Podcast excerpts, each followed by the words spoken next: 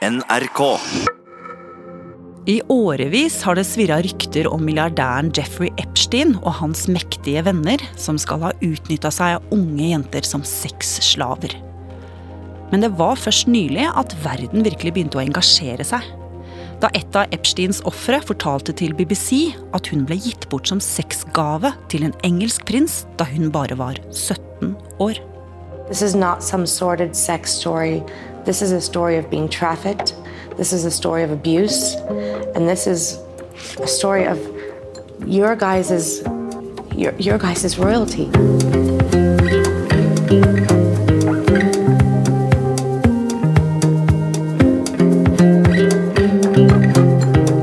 Du hører på Oppdatert. Jeg heter Ragna Nordenborg. Katrine Nybø, du er en av produsentene her i Oppdatert. Og du har sett BBC Panorama-intervjuet vi hørte klipp av her. Hvem er denne kvinnen som snakker? Det er Virginia Giuffre. Hun er 35 år og forteller om livet da hun var tenåring.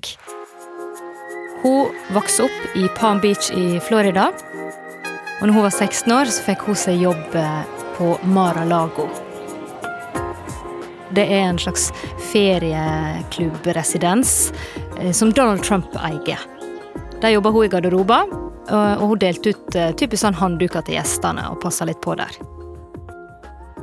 Og Så forteller hun da til BBC at en dag så kommer der ei dame bort til henne, ei voksa dame med svart, kort hår og britisk aksent, og sier hei, jeg heter Gelin Maxwell. Jeg kjenner en fyr.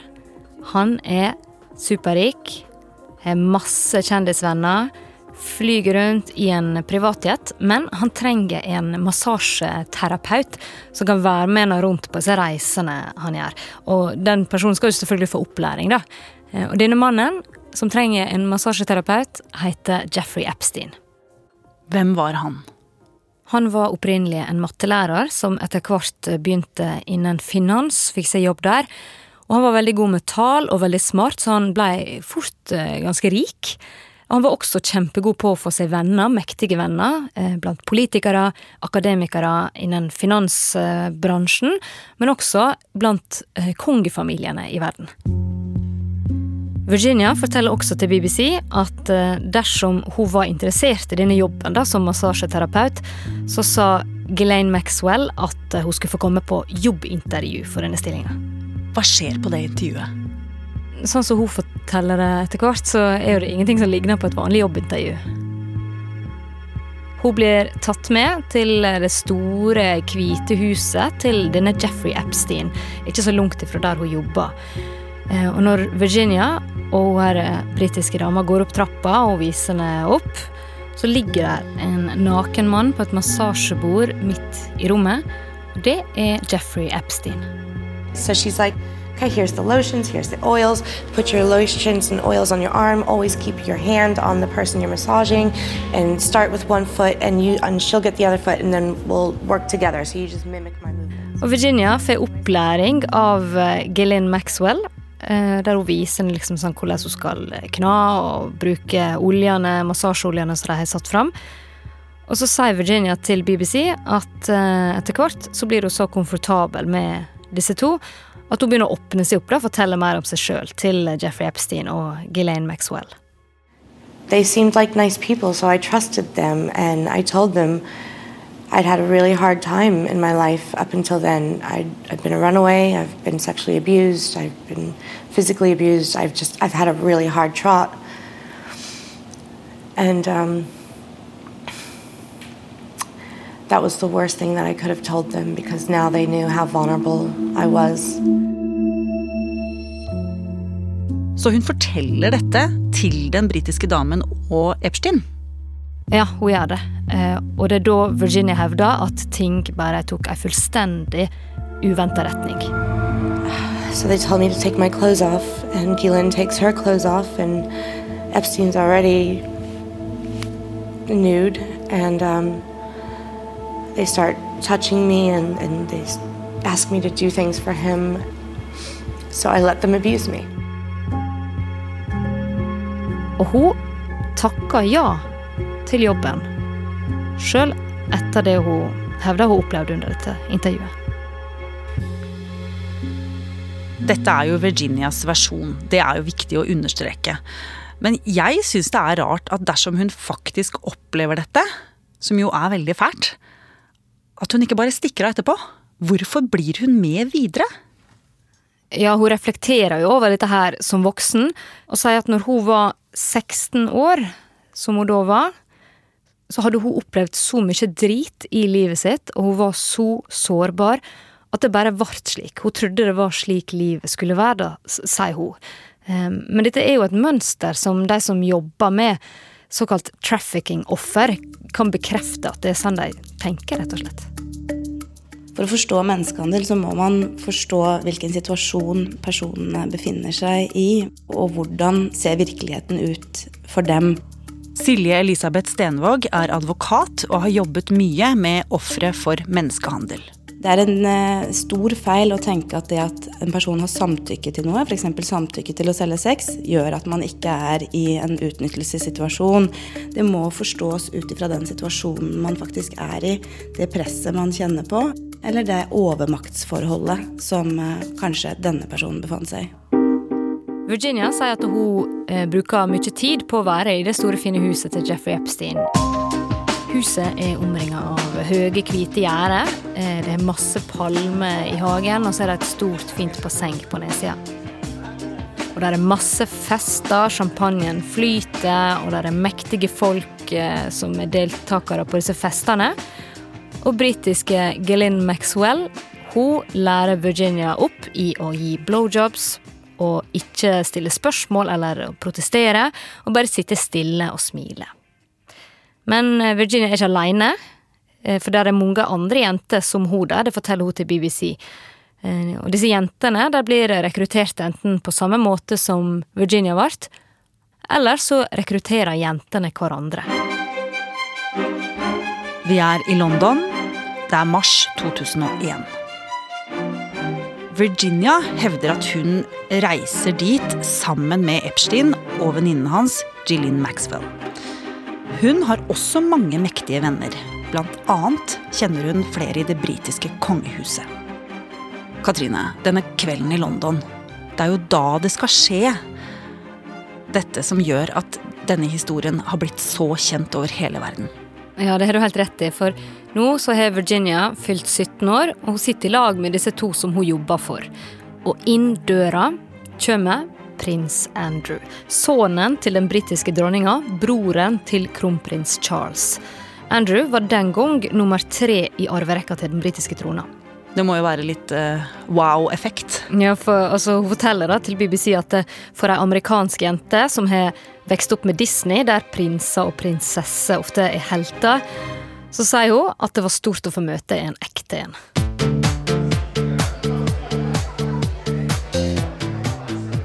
De reiser etter hvert ut på nattklubben Tramp i London, der Virginia påstår at eh, prinsen kjøper drinker til henne, og at de danser. Og her, her blir hun veldig detaljert i hukommelsen sin. Bare hør på dette her. He asked me to dance. I mean, it was horrible, and this guy was sweating all over me. Like his sweat was like it was raining basically everywhere, and I was just like, what? Og Virginia hun sier at hun er så starstruck av å ha møtt en ekte prins at når de er tilbake igjen fra byen den kvelden, så får hun tatt et bilde av seg sjøl og prinsen for å kunne vise familien sin hvem hun har møtt. Og det er jo dette famøse bildet som har blitt trykka på alle aviser og nettaviser over hele verden. Bildet som skal bli et av de sterkeste bevisene for det hun sier at hun har opplevd. Ja, det stemmer. På dette bildet så står prinsen og holder et godt tak rundt den blonde 17-åringen. Hun har på seg en sånn magetopp, eh, og hånda til prinsen ligger på det, det nakne livet hennes. Begge to ser i kamera og smiler. Og etter at de har tatt dette bildet, så hevder Virginia at hun blir bedt om av Glenn Maxwell å gjøre for prins Andrew det hun har brukt å gjøre for Jeffrey Epstein. Å ligge med han. Ja. It was a really scary time in my life. I had just been abused by a, a member of a royal family. Og Virginia hevder at uh, dette gjentar seg to ganger til de neste månedene.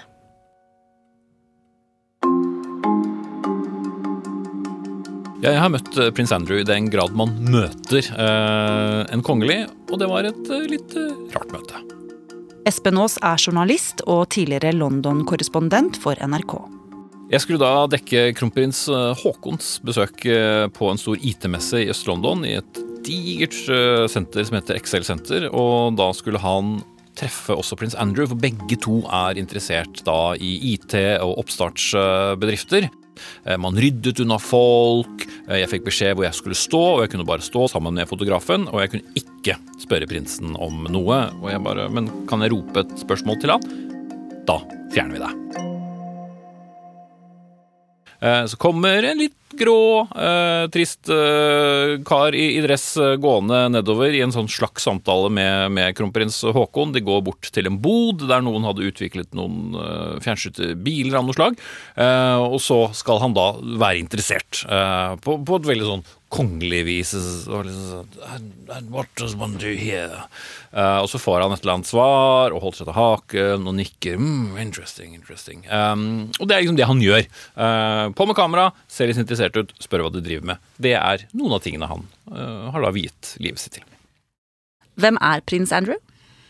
Han er jo egentlig ingen, fordi han er jo litt sånn midt i alt. Uh, han er vel nå uh, nummer åtte i arverekkefølgen, og nummer tre i søskenflokken da etter uh, prinsesse Anne og, og sin langt uh, mer kjente storebror uh, prins Charles.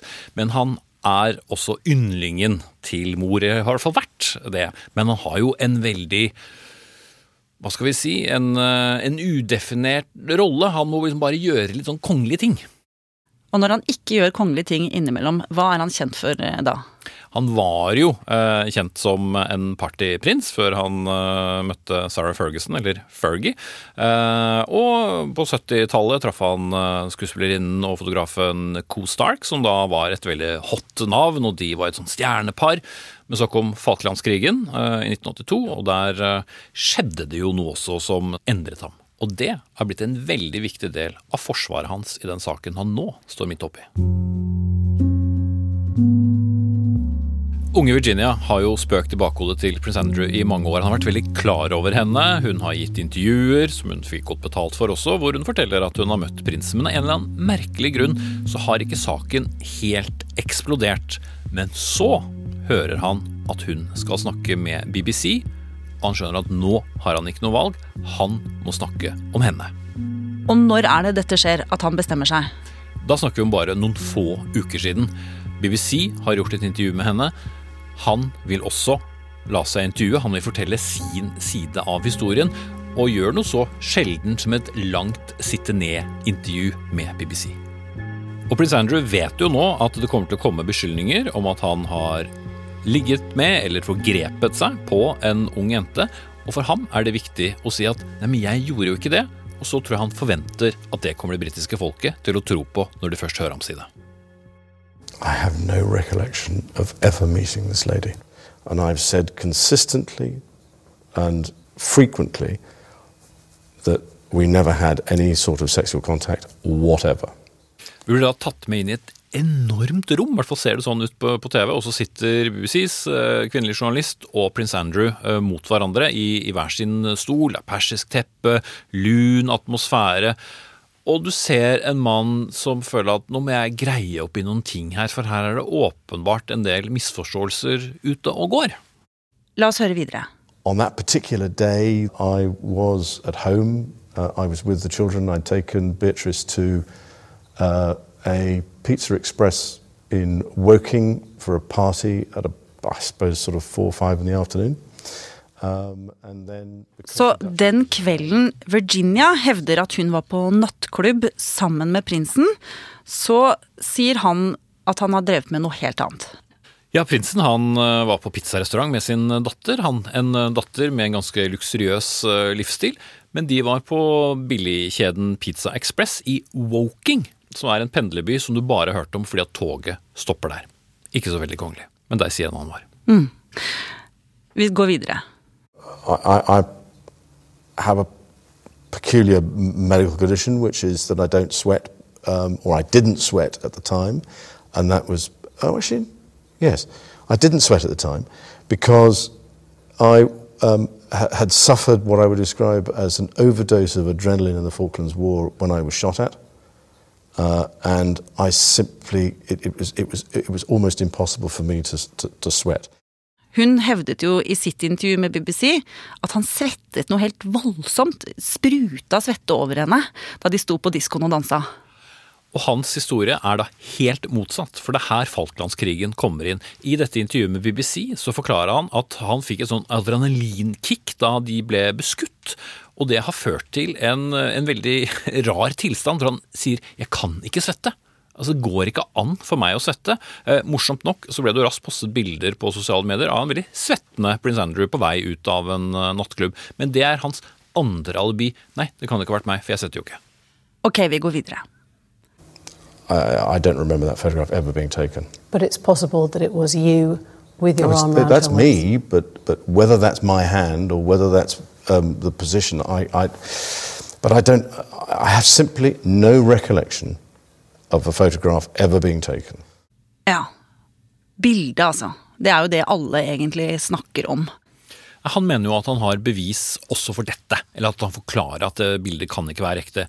Eh, For det første så sier han at han aldri har vært oppe i andre etasje. Vi ser en sånn trappenedgang til venstre i bildet, og han var aldri oppe i den etasjen, så derfor så kan ikke det stemme.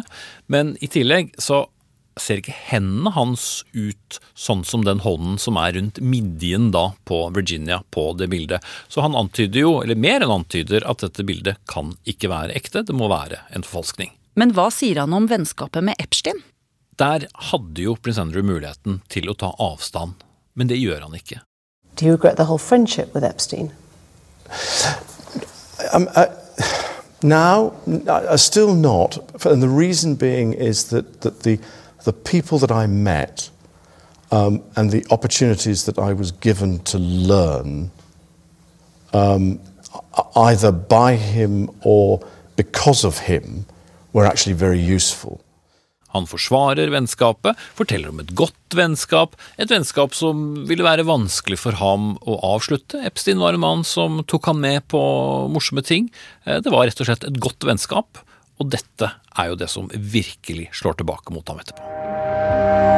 This morning, Prince Andrew breaking his silence about the teenager in this 2001 photo. Tonight, mounting troubles for Britain's Prince Andrew. The Duke of York has been forced out of his Buckingham Palace business office. Jeg var jo i London den søndagen etter og, og påfølgende mandag, eh, og jeg skulle ut i London, eh, men kom meg nesten ikke ut av hotellet, for jeg ble aldri ferdig med å lese den ene artikkelen etter den andre om prins Andrew og dette katastrofale intervjuet, intervjuet som han aldri skulle ha gjort, om irritasjonen hos dronning Elisabeth langt inn i Buckingham Palace over hvordan han har blamert seg selv fullstendig. I tillegg, alle de tingene han sa, dette med svetten, denne pizzarestauranten, folk helt over seg.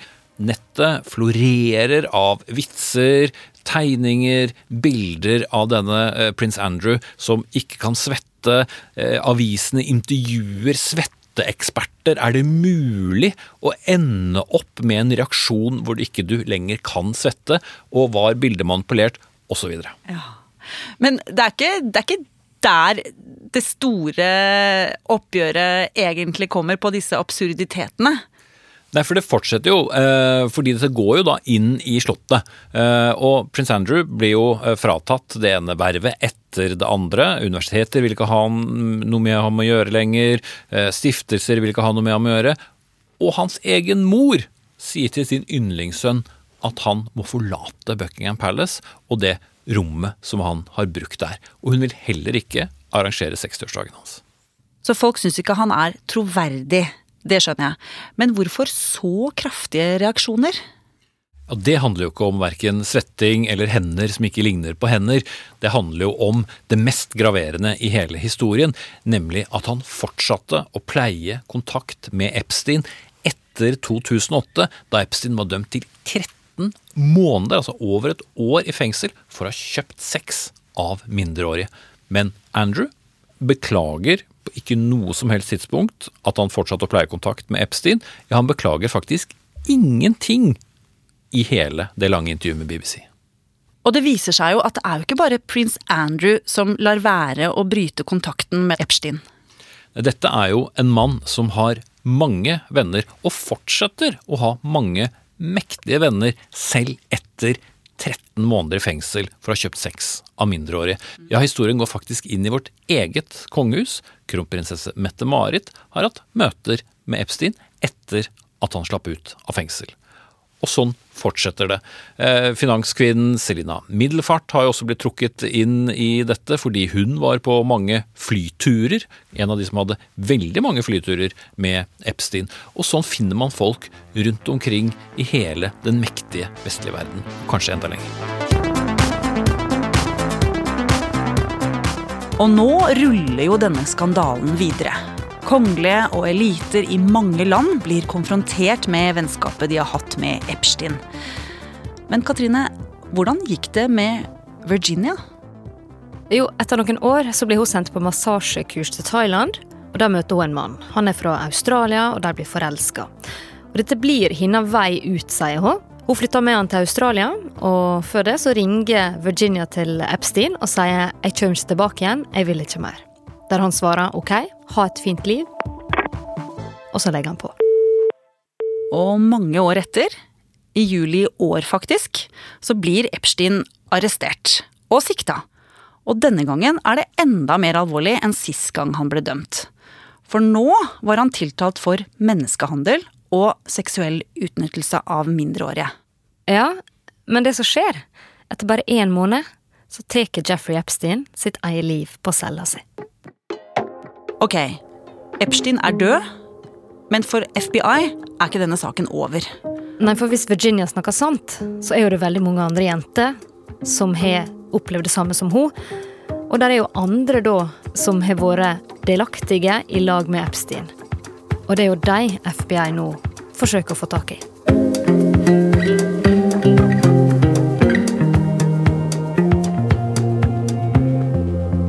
Oppdatert lages av Katrine Nybø, Jaran Ree Mikkelsen, Ida Tune Øretsland, Petter Sommer og meg, Ragna Nordenborg. Vil du kontakte oss, gjør det på oppdatert krøllalfa nrk.no. Har du lyst til å høre flere podkaster? Da kan jeg anbefale Heia fotball.